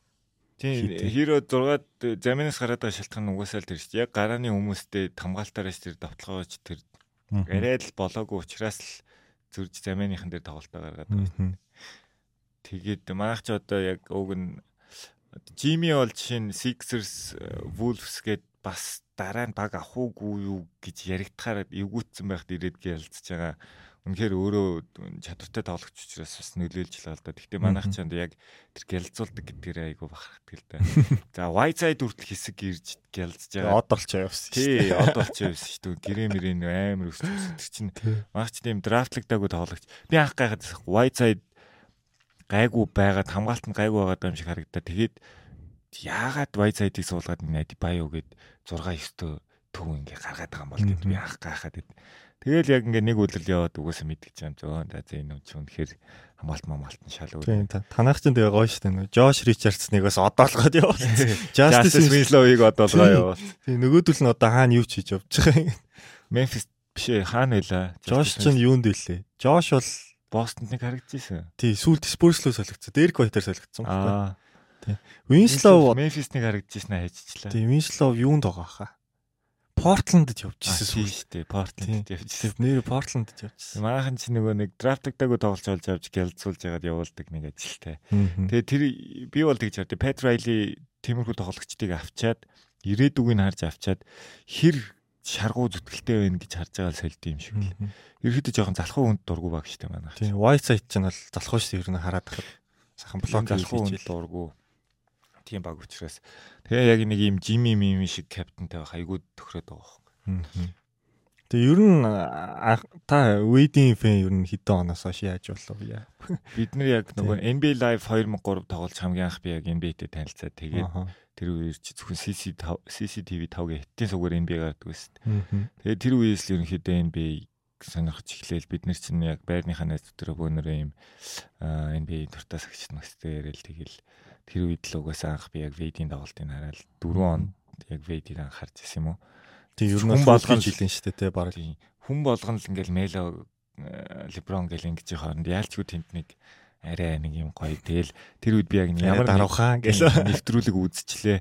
Ингээд 10 жилээсээ хойш үргэсэн охинтойгоо суусан муусан те. Нэг чивээсгүй мэвээсгүй гэл ингээд тим юм сонсон гоч өө энэ ямар гоё тоглогч гэл хүүхдийн нүдээр те. Хүүхдийн нүдээр хараад дуртай болоод. Тэгэл угаасаа 6 онд чи ялгуусаа амжилт гаргаал. Тэнгөч мөр улам тэрэндээ ингээл аа би фэн мэн гэл те. Тэгэл би чи оюутан байхад чи яг Miami Heat-ийн Dynasty баг Dynasty болох шахсан үе маань өнгөрч тэр үед бол тэгэл найзууд найзуудтайгаа сакс ярихаар чи би зүгээр баавар байгаа чи чи 4 жил финал гарцсан баг ийм фэн гэдэг. Жил болгоо ингээл 100 болж яхад ганцаараа тоглолт үзсэн. Бусдынх нь баг хасагдсан байж. Тэр нь бол тий 20 жилийн өмнөөс л бейдийн фэн болж исэн. Тэгээ нэрэл одоо драфтаар орж ирээ баг 20 жил нь болох ч тий. 90 жил 20 дахь жил юм шүү тий. Леброны 20 дахь үлрэл гэсэн үг юм. Тий. Тэгээ зодог тайлах үеэр нь ер нь хэр яаж санагалцчихъя ба. Нэг таавар гэл үед ч нөгөө нэг нэг хоёр баг хисж явж байгаа төрж ирсэн ш. Тэгээд сүүлийн үйлрэлгээ зарлаад. Ер нь Кливленд явснаас нь хойлох байлцсан ш. Тэгээд юу ч болоод байгаа. Манай өөний уус тоглолтод ч унтсан байсан. Цаа чи нөгөө Леброн энтерго бодвол 2 жил ах шиг хоёроор ах тэгээ дээрээс нь айгүй олон гимтцэн учраас сүүлийн жилүүд нь айгүй чанаргүй явсан учраас бас угаас нэг хэмээ гордлого байгаагүй. Гэтэ яг нэг All-Star да харчмаар байдаг те. Хаяа нэг базар хийх юм ч юм уу, triple double хийх нь харчмаар байдаг. Тэгэл фэний хувьд үзээ явж исэн. Тэгээд тэр үйлрэл зодог тайлт бол угаас ирэх нь болцсон л гэсэн л дээ. Гэтэ тэр үйлрэлт хамгийн яг таны хэлжсэн гурван юм шүү дээ. Базар гэдэг нэг нэг нэг нэг хөл дээрээс нэг шиддэг дуратын дээг. Тий. Тий. Тэгснээ All Star сонгогдчихдаг нөгөө хинээс юугаар. Тэгээд сүүлийн тоглолтод triple double тий. Тий. Яг яг л явсан юм байл. Тэгээд мань хүн чинь бас ус мүсээ айгу сонио өөрчилсөн шүү дээ сүүлийн л тий. Тий. Corner off-тэй болж молол. Нэсэ проки болсон байсан. Манай үуч нөгөө нэг байн олонний анхааралд олон жил явцсан хүн чинь олонний анхаарал сулраад ирсэн чи жоохон олонний анхаарал татах гээд зодог тайлж майсны бас сони сони хийж харагдсан. За чи. Миний таньдаг вэйд мөн үү? Аа таньдаг. Эхнэрээсээ нэг салах гад байлаа. Тэгээд хүүхдээ бас нөгөө нэг те хүүсийн ясан масан гэл. Тэр яг хүүхдийн сонголт л гэсэн л дээ. Эхнэрээсээ гейбээс салах яриа гараагүй бах. Яг гарч байгаа. Би мейлотой андуураад байгаа юм болоо. Тийм байж магадгүй. Вейд дээр бол тийм асуудал гараагүй. Тэдний гэр бүл бол ерөнхийдөө айгүй доктортой байгаа. За тэгээд мэдээ санжаа ах маань бас нөө юу доктор хүн учраас тэгээд бас сагсан бөмбөгийн тэгээд бэртэл гимтлүүд бас эрүүл мэндийн юун дээр одоо ямар хуу бодол суурьтай тий ер нь судалж ивүү яа тоглогчдын бэртэл гимтлийг тэр талаар асууя гэж бодлоо би бол бүр нэг юм хоол дэглэм мэглэм энэ төр энэ бол нэг сүртэй судалж байгаа. Зүгээр би яг тоглолт үзэж байхад анзаардаг учраас тэр нөө буух техник те. Тэгээ одоо энэ гимтлүүд шүү дээ. Тэгээ ерөөхдөө байн гачаал авч. Хүмүүс ч одоо ингээл нэг нэг юмнаас болол гимчлээ гэж боддог гэж. Гэхдээ одоо ерөөхдөө NBA эргэн тойрны талаар мэдээлэл айгүй дүүрэн байдаг бас учраас хүмүүс одоо энэ чагтаа шүрмэс тасрах гэдэг юм уу тийм. MCL, ECL гэл одоо ингээл өдөр болгон баг гарч шүү дээ. Гимтлүүдийн талаар харьцангуй ойлголттой болцсон баг. Тэгээд шинжлэх ухаанч өөрөө хөгжөөд бас эдгээр гимтлүүдийн идгэлтүүд өмнөхөө бодвол хамаагүй сайн идэгдэг болцтой. Тоглогчд бол ерөнхийдөө эргээд хуучин шигээ тоглох боломжтой болчихлоо шүү дээ. Мэд заслынх нь эмчилгээ аягүй сайн болцсон. Дээрээс нь нөхөн сэргийн хэмжлэг нь бүр гоё болцсон. Хуучин бол одоо чинь Elton Brand-ийн үед ч юм уу энэ ширмэснүүдийн аль нэгийг тасдах тухайн хүний карьер бол ерөнхийдөө дуустдаг байлаа шүү дээ. За DeMarcus Cousins бол ерөнхийдөө өөрөө нөгөө том биетэй учраас идэлт нь их удааширсан юм шиг байна. Тэгж жагаад өөрөө форм алдсан. Дахийлсэн шүү дээ тийм Маркус ч. Тэгэхээр ерөнхийдөө энэ шүрмсний гэмтлүүд дээр бол тэр 2 3 тоглогчоос бус тоглогчид ерөнхийдөө ирчлээ шүү дээ. Бараг таслаагүй бараг алга шүү дээ. Леброн л байна. Леброн тасарх уу? Тасарцсан тий. Дурантих нэг ясан Клей байна. Curry бараг нэг сприн энтер боллоо бас. Curry Curry гэхдээ гайгүй. Нөө нэг далиг шилжсэн. Шагаа яадаг тийм. Дандаа л шагаа. Зүгээр алдартай төвчтэй нөгөө нэг Under Armour болоод дахин шагаан бүртгээ байсан гэдэг. Тийм. Nike өмсдөг байх та дандаа. Nike. Nike лөө. Nike. Тийм байна. Тэгээд ерөнхийдөө энэ нэгдүгээр спортын ангаахан өөр амар хөгжсөн нь бол тоглогчтой аюу хэрэгтэй болж. Тэгээд бусд гимтлүүд бол их хвчлэн тоглогчийн өөрсдийнх нь нөгөө нэг зуршилтэй. Одоо нэг зарим тоглогч нэг жоохон шоу оф хийх юм хийж яагаад гимтчихдэг юмнууд байгаа. Тийм учраас тэр нэг газар буулт энтрийг тэгээ эмчилгээ эмчилгээг нь л ерөнхийдөө сонирх. Тэр нөө нэг одоо жишээл нэг нэг би нэг сонин гимтэл яажсэн нь Пол Жорж чинь байнга мөрний гимтэлтэй байдаг шүү дээ. Явахдаа гимтээсэн гэдэг байхгүй. Тийм. Тэр тийх боломжтой. Яг боломжтой боломжтой л да мөрний үе чи өөрөө нөгөө нэг яг бүтэн тойрдгоо мултарчдаг үе учраас. Тэгээд гэхдээ Пол Жоржийн гимтлийг би судлаагүй юм шүү дээ. Пол Жорж их ясны гимтэл байсан юм уу? Булчин шүрмэсний хойс юм уу? Ямар ч гэсэн мөрний гимтэл гэж нэг нэг жил нэг нэг утаарсан да нэг плей-офф. Яг тэрэн дээрээс яадаг. Тэгээд ингээд дараа нь тохчоогоо сэтрээсэн ч юм уу те. Тэгээд бас сүүл тохооны гимтэл гээд яажсэн нэг тохооны шингэний ахуулчихсан. Мөр угаасаа бас их гимтгэхэд талдаа л та ерөөхдөө амархан ингээд одоо малтаралд ордог болч нэг орчлоор айгүй амархан малтардаг болчдөг. За тэгээ энэ нөгөө нэг эргэх хөдөлгөөнөөс болоод энэ үеийн шүрмс хүмүүс бас айгүй амархан сонж манждаг. Тэгэхээр ер нь жим хийж байгаад мөр зүрнийхаа энэ минийг юу бол айгүй амархан халаалтгүй те тэгж мэгчдэг болох мөрний өөрөө юу ч тэгдэг баг. Пол Жорж ихийг би сайн мэдэхгүй юм биш үү? Нэг сонирхож үзье да. Тийм өөр ер нь таны хувьд яг ингээд судалж исэн бэртэл гэмтэл гэвэл юу байна? Тоглогчтой ч юм уу. Элтон брэнд дээр ч юм бол яг нэг хүнд жинтэй тоглогчод шүү дээ. Маркус Касас дээр чинь өөр ч одоо бусдаар түгээмэл гимтлүүд тэгээд одоо тэр нэг бол шагаага гიშгдэг нэг бол шүмсэд тэнэлдэг одоо тийм л гимтэл хамгийн их гарч байна. Хурууны хугарлуудыг бол сагч тоодгүй байлээ шүү дээ. Нэг жоох идгэж байгаа л одоо имбид бол сая бас тэрийг нь магтах хэрэгтэй бах гимтцэн уруутай дөрөв тоглолт явлаа шүү дээ. Тийм дээрэс нүдний ухархаалга зохиолцсон гэдэг. Нүдний ухархаан хугарал гэж хэлсэн. Аа тийм тэр тэр бол ерөнхийдөө аль хан байсан энэ би мэдээгүй. Нүдний ухраан хугарал бол ерөнхийдөө ийшээ хавдаж мавдаад юм уу яг ийм тоглоход бас хаад болсон гайгүй. Ингээд дөрвөн ханаа байгаа байхгүй. Ааха. Тэгээд ер нь түгээмэл яадаг энэ доод юм уу дотор хан цохилтор цохилтор энэ хоёраа их түгээмэл хугардаг. Тэгээд одоо яг тэр хугарсан үед бол илт мэддэг төс тоглолтод нөлөөлөхөөр зөвөр бол гайгүй. А тэгтээ нэмж гимтэхгүй байх гам барих те дөргөлт толгойд өргөх мөрөх гэсэн асуудлууд гард. Тэднийг л анхаарах. Тэгэхээр эмбидийн тэр энэний э, гэмтэл яг тоглолтонд бол нөлөөлөх гайгүй байсан баг. Хурууных бол харин их нөлөөлсөн баг гэж байна. Шиддэг ялангуяа эмбид шиддэг тоглогч. Тэгээд саяны цувралт бол айгуус муу шидсэн шүү дээ. Яг гоо ганц хоёр. Эдбэй цаа хамгаалсан л да. Бас тэр хэлэхгүй болоод. Нэг сүлд блоклч молоклт 2 3 ч блоклт.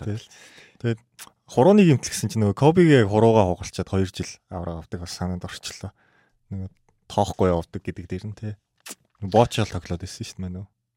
Ерөнхийдөө одоо ингээд аль хуруу гэвзнээс хамаарат NBA-ийн тоглогчд бол ерөнхийдөө дөрвөн уруугаараа баг шидэж байгаа шүү дээ те. Түлхэж байгаа. Тэгээ ингээд үндсэндээ их нэг ингээд хоёр гараар тийм 10 уруу ингээд тохоо бугуу ингээд маш олон үений хөдөлгөөн айгу техниктэй ордог учраас ганцхан энэ хуруу гимтлэг ихэд шин бас нэг нөгөө хуваасаа нэг 90 хэд болж буурдаг юм гайгүй. Тэнгүү тохоо гимчих юм бол шууд хэцүү шууд тэр 100% чинь 10 юм уу тий 5 юм уу. Энэ хүмүүс нь хүч гараа яаж байгаа юм чи тий. Эсвэл бугуу гэмтэж болчих юм уу тий. Тэгэхээр энэ үений хувьд өөрөө нөө жижиг үе учраас бас нөлөөлөх нь хайцангуй гайгүй. Дээрээс нь одоо нөгөө нэг хөлдөөгч мөлдөөгч цацаад боож могоо тоглож байгаа. Энэ хоёр ураг чинь ингээ боогод цуг шидэхэд бас гайгүй ч юм уу тий. Жохон мэдрэмжийн л өөрчлөгдөж болохоос тэрэндээ дасаж болно. Мэдээ зөөвөртэй байна л да. Гэхдээ үүдийн шүдээ зугаад ялангуяа мэрэгжлийн өндөр түвшний тоглогчд бол тэрийг харгалаа балаадах шиг байгаа. Би бол тэгж л хараад үений нөгөө нэг том жижиг хувьд ялгаа гараад байгаа. Зүв зүв.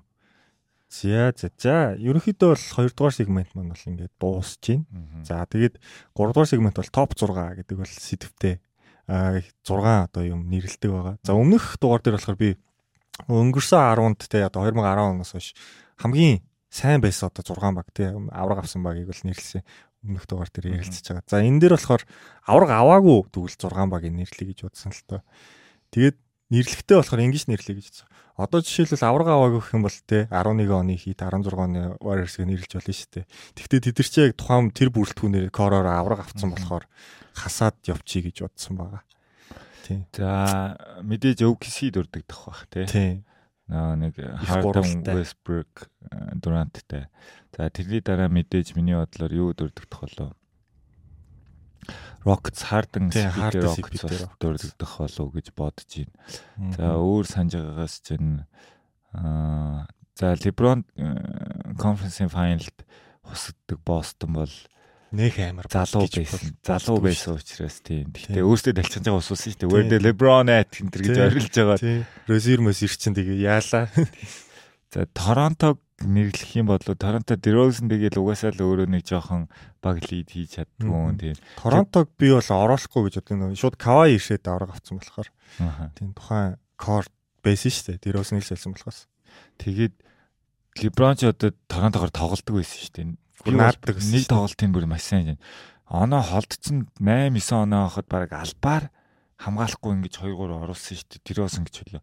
Тэгэж яг оноо ойртуулж тэнцүүлэнгүүтээ өөртөө яг 10 хэдэн секунд үлдээгээд тэгээ нэг юм tear drop хийж самбардаж оруулж хэлчихсэн. Би бол тэрийг бүр либра албаар ойртуулсан гэж итгэдэж шүү дээ. Тийм үү.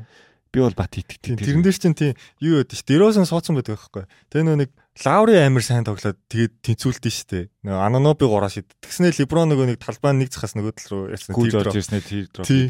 Тийм. Тэр бол Талбай дээр. тэр тэрний өмнөх давталгааны хамгаалтууд хамгаалтууд нэг хичээл зүтгэлгүй юм шиг санагддаг. Ер нь тэнцүүлээ гоё юм үзчихье. Тэгээ Торонтогийн хоёр бол одоо Леброны зүгдрээс гарахгүй байсаар насыг бараад тэгээд одоо нэг юм ловрын зүг багтаа ирэх шиг бол. Дээрэс нь тийм Ибака Мибака гэдээс нөгөө бөмбөгөө өрж байгаа шийдэж мэт те. Юу Өөр авраг аваагүй багууд гэх юм бол би бас юу нэрлэх Clippers байна. Крис Полын CP3-тай. Биш Play Griffin, DeAndre-тэй. Яг бүсийн Бигийн бүх баг л юм шүү. Одоо фин санс мас Гэсэн бигийн гурван баг л орж ирэх юм шүү баг. Ер нь бол бас тийм байна те. За өөр авраг аваагүй багууд чинь би одоо бас аваагүй багуудын сайн тод санахаа болчихжээ. За тэр Harden-тэй Rockets бол тэр бол Dan Anthony-гийн гавья. Harden шиг үнээр бол Mike D'Antoni шиг шүүгчл тоглох юм бэл. Биш коучлт тоглох юм бэл. Одоо яг одоо бол ингээд Уучлаач. гаргуулж чадахгүй үстэй хүмүүс те. Одоо юу тэр сүүлд юунд очиж гэсэн бас чадсангүй шүү дээ. Нийц дээр. Нээц дээр очиод тэгэхээр яг Дантонигийн одоо тэр нөгөө нэг чадвар нь тэрэн дээр харагдаж байгаа. Дантони ерөнхийдөө хинтээ Патрайлитэй төстөө арга барилтай. Нэг хамгаалтгүй болохоос. тийм ерөөсөө хамгаалтаа хайждаг нэг давтлагч нэг төв гэсэн юмыг одоо Патрайлич ерөнхийдөө насаараа ашиглалаа шүү дээ. Wade нийл байна те. Дараа нь яг хуу хэсэг бол тэрэн дээр спойстроо дөрт нөхцөн. Тэгэнгүүт Дантони бас яг тэрийг ашиглалт Харден Капелла ч гэдэг юм те нэг тиймэрхүү юмд аяг байтайхан байгаад Спи орж ирээд яг үндэ Дантони өөрөө бас Спитэй төхрөөгүй юм шиг санагдаад байдаг. Гэтэ гимтцсэн шүү дээ. гуян арын шүүрмэсгэл 3-2-оор тэргүүлжсэн шүү дээ. Тийм байна. Тэгээ би миний талхад бол дандаа Спитэй багууд л орж ирж гин. Тэгээд э, түрүүний OKC байна. 10 оноос хойш те. Тийм нөгөө Майамиг эвгүүтүүлдэг Индиана орох уу? Тийм. 7 тоглолт гаргасан шүү дээ. Индиана ч одоо нөгөө нэг өстө мэдгүй нэг э, яагаад сурцсан гэдэг үлээ дээрлэхэд сурцсан гэдэг шиг Индиана энэ төр бол бүр хизээч асуудал болж байгаа юм шиг. Тэр нөгөө Пол Жоржийн Birdman-ыг Балкад, болгодог. тийм, долоон тоглолт Pacers-ийг яриад байгаа шүү дээ. тий. Би бол тэр мэрийг датгүй шин. Би нэг амар Индиана санагддгүй шин. Аа. Яг нь амар флаши Индиана байсан л та Пол Жоржтэй, Лэнс Стивенсонтэй ч юм уу. тий. Дэвид Уисттэй, Хиберттэй гэл те. Тийм, нэг жоох юм флаши тий ингээ харахад амар баг юм шиг. Үндэ зүгээр. Яг үнэндээ East-ийн Portland байсан гэж яг муухай. Portland-ыг бол нөгөө нэг нэг хизээч бид нар контендер гэж хардгуутай л адил шүү дээ. Чиний яагаад ч юм болдгоо те. Тийм байна. За яа нэрээ нэрлэх юм бол за тэгээд OKC бол мэдээж орно Durant юу юм те. Durant. Clippers нэрээ байж. Clippers орно, Rockets орно. За Suns одоохондоо аваагүй юм чи оруулчих. Тийм. 20 оны хит орох уу? 20 оны та баг орохгүй дээ бас үнэхэр болоогүй л бах Мгм. шүү дээ. Аа Багсыг шүртчлүү. Bucks-ыг чинь Дөрөв 4-1-ээр хоцсон.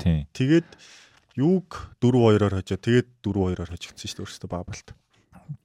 Тийм тэгэхээр тэр бол ерөнхийдөө тохироо бүрдэл айгүй сайн байсан ч гэсэн бас үнэхээр яг авраг авах жил нугасаа л биш байх байсан болов гэж бодож байна. Тэр бүрэлдэхүүнд угаасаа яг яг үндэ хинч байгаагүй шүү дээ. Жимил гэсэн. Жимиг нөгөө зөвхөрсөн зураглаар гэгддэг Тий. үстэй. Тийм тэгээд Жими үнэхээр тэр багийг чирээд авцсан бол үнэхээр л Hall of Famer суперстар болох байсан. Джеймс Харднаас илүү яригдсан шүү дээ. Даанч нөгөө талд нь ялч Леброн байгаа юм л. Леброн гэдэг хүн ч одоо тэгээд та байгалийн давд шүү хүн шүү дээ тий. Одоо харин би тэрийг нь яанаас олж гарч ирээл анил гэж хараалгаа л та. Тэгээд би багст итгэхэд итгэхэд байгаа байхгүй энэ жил. Ойлож тэр нэг 5 баг л гарах уу? 4 баг. Тэгтлээ. 4 баг. Яг хуу Индианаг оруулчвал баг 5 6 болохгүй л байна. Spurs ч одоо нөө авраг авцсан учраас нэг авраг аваагүй жилүүдийн ярих нь цааш юм тий. Гэхдээ яг нэг Duncan зодог тайлбар нэг нэг хэсэг Kawhi Aldridge гэж явсан шүү дээ. Тэрийг бас оруулж болно. Болох бах. Нэг core бүрэлдэхүүн ер нь бол Kawhi Aldridge рүү шилжчихсэн байсан шүү дээ. Durant Golden State тавьж хагаад өрсөлдөгч байгаагүй. Wasted бол нэрээ өрсөлдөгч байгаагүй. Portland одоо яг NBA East рүү шилжчихлээ те. Тэр хэсэг чи West-д л алаан болдог. East-ээс нэг ганц хоёр баг гарч ирээд бардггүй нэг тийм LeBron л гарч ирдэг үе яваад гэсэн чи одоо West өөрөө маш залуу болчих. Багууд нэр нь их хвчлэн залуу одуудтай ганц баг Curry, Clay хоёр хамгийн өгшөө одууд нь нүү яагаад юм те. Тэглээ шүү дээ. LeBron-аас өөр гэвэл Тийм тийм. Одоо ингээл жаа тэгэл Бүүкер гэл Лука гэл гараад ирж дандаа залуу одуудтай тий. Тийм тийм. Залуучууд нь залуучуудаа хусаал гарч ирэл. Тиймэр болсон тэр шиг. Ийст арай туршлагатай байгаа юм л да. Аа. Одоо Жанис энэ чи ветеран дал орш тий. Тэгээ одоо бол баг тийм 27-тай 8-тай л 27 8 үрж байгаа. Тэгээ ветеран руу ороод эхэлж байна. Тэгээ за Tatum хин хоёрыг бол арайлж болохгүй бах. Brown хоёрыг тэр хоёр ч хүсч яваа. Хит бол ерөнхийдөө хөвшөндөө баг. За тэгээд өөр Bulls ч гэсэн Bulls бараг хөвшөндөө орно дөө. Яг Vucevic дөрөв центр ороод сая хөвшин баг болгочихлоо. Залуу гэсэн. Nets бол уус таг баг. Тэгээд Lakers бол ярилдгөө. Ер нь бол тийм ээ. East хамаагүй ветеран багуудтай болсон. За за ерөнхийдөө бол ингээд бол манай өнөөдрийн ярих бол сэдвүүд бол дуусж байна. За тэгээд Санжаа ах маань бол цаашаа одоо имч апаараа ерөнхийдөө бол илүү бидэнтэй холбогдоод явах гэж байгаа гэж бол ярьстэй. Чанлаараа бас удахгүй тарин мэдэх юмнууд хийнэ. Аа. Тийм тэгээд ойр дуу хийх санаа байна уу? Одоо дуу муу хийхгүй. Гэтэ сүүл нэг ивент дээр таад бөөндөө явжсэн тийм. Тийм. Бид хэд бас 5 6 жилийн дараа цуг тайзан дээр гарах боломж гаргамат нь айгүй олзуур олзуур олзуурах ууштай гэдэг. Тий, олзуурах ууштай юм болоо тэгээд. Тийм. Тэр ивентийг бол харсан. Гэтэ энэ зуны юун дээр танай хамтлагийн гэтэ нэр явж илээ шүү дээ. Зуны 6 дээр үү? Тийм, зуны. Энэ манайхыг тий оруулах санал яригдсан байлээ те бид хэд бас хитэн ном юу энтрээ бас яг энэ 7 хоногт бас ярилцаал байж лээ. Тийм харин та гурыг сүүл тайзан дээр харах бол гоё үлээ. Тийм сторийн дээрээс харсан. Тэгээд бид нар чинь яг нөгөө нэг яг танай айгу цөөхөн дуутай шүү дээ ерөнхийдөө бол босоод юунаатай. Лайтик шиг үү. Тэ нэг EP л ер нь бол хийдэг дуутай шүү дээ. Тоотой Swag идэр гэл. Тэгээд тэр дуунууд нь ингээ амар нэм сэтгэлд хүрцэн байдаг болохоор бүх дуунуудыг ингээ мэддэг. Гоё хамтлаг байсан шүү. Бага шүү. Тэг яг байсан шүү. Баярлалаа. Тэ. Тэгээ сүүлд бас та чин Томтой нэг 2 3 дуу хийсэн шүү дээ. Тийм Японд байхдаа 2 2 дуу шүү дээ. Тийм тэгээд зя зя тэгээд дараа дараачийн бас дугааруудаар бас өөр гоё зочид оруулахыг хүсвэл та хэд маань бас тий доор коммент өөр гоё зочид тий ийм биш өөр тий тэгээд мэдээж тий манай сувгийг лайк шеэр хийхс гадна санжаахын сувгийг дэмжээрэй. Санжаах намайг бүүсэлж өгөх байхаа чиг шиг. Тэгээд бас манайх нөө нэг саяхнаас бит агенттэй бол хамтарч ажиллахаар болсон. За тэгээд доор description хэсэгт болохоор Telegram channel-ийн линкийг тавьчихна. Бас deposit withdrawal хийх хийхээр бол номоо expert агент руу холбогдоорой. Та нэрээ бит юу н сонирхож байна вэ? Огт сонирхдаг. Хол өнөө. Дими дими. Рекламных нараас шоо тийм. Бидний сайт рекламцсан ч араас нь шууд бичиг хэрэггүй байхгүй. Гэтэ би ч өөрөө нэг бит тавьдгүй л дээ. Ер нь бол нэг сагсан бөмбөгийн тэ холбоотой нийтлэл бичдэг гэдэг утгаараа бол ер нь бол хамтарч ажиллаад явж байгаа. Би бол дуртай спортонда тийм юм оролцуулангууд нэг үзэж байгаа сэтгэл хөдлөл мэдрэмжинд өөр болчих юм болов уу гэд нэг талаас хайрлаад хүндлээд дэрс тийм. Өөрөө угаасаа ер нь л мөрийн дургуул дээ би. Аа. Одоо яг фэнтези бооцоо цуглуулж тоглож байгаа гэж чинь яг мөрий бол бас биш. Тэр чинь ингээ судалгаа тий судалгаа модалгаа зөндөө юм аач учраас тэгээд нэг оюутан байхдаа хальт мэрсэр найзууд ингээ шорцоор байгаа танаа баг маг гэд нэг ганц хоёр бит тавьж исэн байгаа. Гэхдээ зүгээр миний тоглолт үзэж байгаа байдлыг өөрчлөөд исэн учраас би ер нь ахиж яаж шордсон ер нь бит мэд тавиха болц зүгээр би тэнцийн хожил хожигдл тоглогчдын юмыг үзэхээ сууж идэл ард нь хэдэн зуун мянган төгрөг ингээд жоохон гитсэн сууж явах чинь тэнэг байгаа. Нь найзууд хоорондын одоо нэг танаа баг манаа баг гэдэг одоо цуврал юмнууд одоо явж байгаа сте би би нэгээр өөслөх юм уу? Явна яа тэр бол байна. Одоо та ч болтой харьцангуйас нэг тийм танаа манаа гэхээс илүү ерөнхийдөө NBA бүтнээр нь яриад тэгээ яг ингээд бас нэг нь аварга авталн чимээгүй байж байгаа. Аварга авсан яг ингээд Ой яасаа сакс болж байгаа болж байгаа юу хүмүүс цаг тоглоолаа нөө. Та ч нь бол Facebook дээр ер нь бол те жоохон тиймэрхүү байдалтай зарим зарим постууд бичээ яваад идэв шүү галаар. Тий. Яг амттай сүүлүед амттай байгаа л да плей-офф бас. Тэгээд Miami Celtics таарчих юм бол тэн ахтай бас тэгээд рөөслөөр явж болох юм байлаа шүү дээ. Celtics-ийн олон фэн нэ збайгаа бас байгаа. Мико ах байгаа. Тэгээд хим байгаа. Инх амглан байгаа. Тайлбарлагч. Миний нэг яг том фэнүүдээс нь миний мэдхээр бол Майами Heat баясаах битээр миний мэдхээр битээр л энэ да. Тий. Тэгээ амар багтаа итгэлтэй маш хоёр итгэлтэй хүмүүсийг тэгээ дугаартаа оролцууллаа. За тэгээд тэгээ манай подкаст яхад нэг сүулт нь дуу явуултын. Тэгээд NBA-тэй холбоотой ч юм уу эсвэл та өөрийнхөө явуулахыг хүссэн дуугаа. Би тэгвэл юу Чингигийн Writer гэдэг дуу байд. Энэ NBA Live 2003-ын байна уу 4-ийн. Аа нөгөө нэг саундтрак нь байгаа гэдэг. Тийм саундтрак. Энэ бүр сэтгэлд үлдсэн. Ялч яг нэг анх NBA тоглож эхэлчихсэн учраас энэ дууг сонсоход л угсаа яг тухайн NBA санаанд орд. Айгуу бол mixtape дээр чинь дуу явдаг баг. Тийм тийм. Тийм.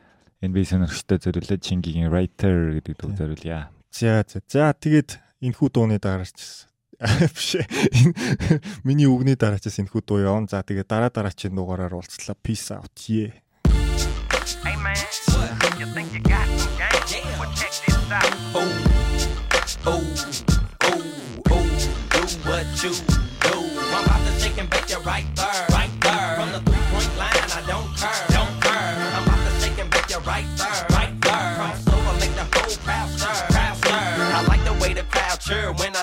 Up. Like EA Sports, I'm in the game and play it tough.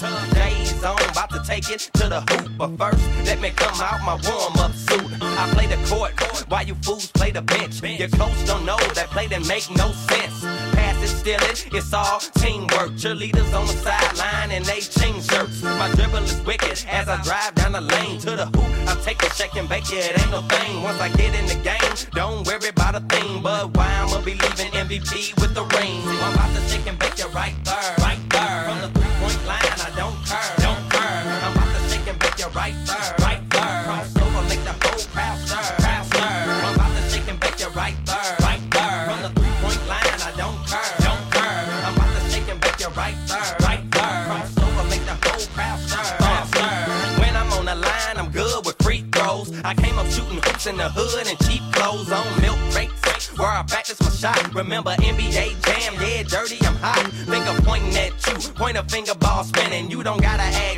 cause you know we winning. Just check my stats, my rate 98. Come whooping with your team, we gon' put you in your place. You know I got hops, watch me dunk it in your grill. Ask anybody about me, they gon' say he got skills when I'm on the field. It's all respect. Half court shot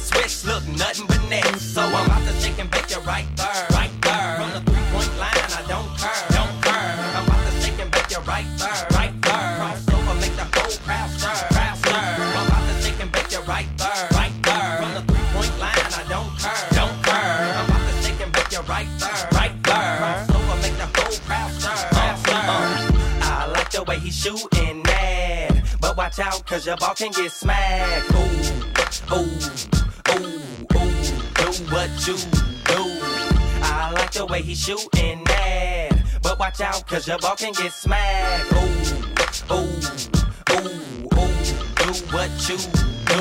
Play me one on one if you're that clever. Uh, my confidence telling me I'm much better. Uh, on a fast break, I will leave you shook. Then I'll show off a little bit and shoot a hook. Leave you cooked court, burning like a stove. Came from high school, no scholarship to the pros. I'm the point guard with the gift. Her team want me, I'm so bad. They saying that I'm a myth. Cause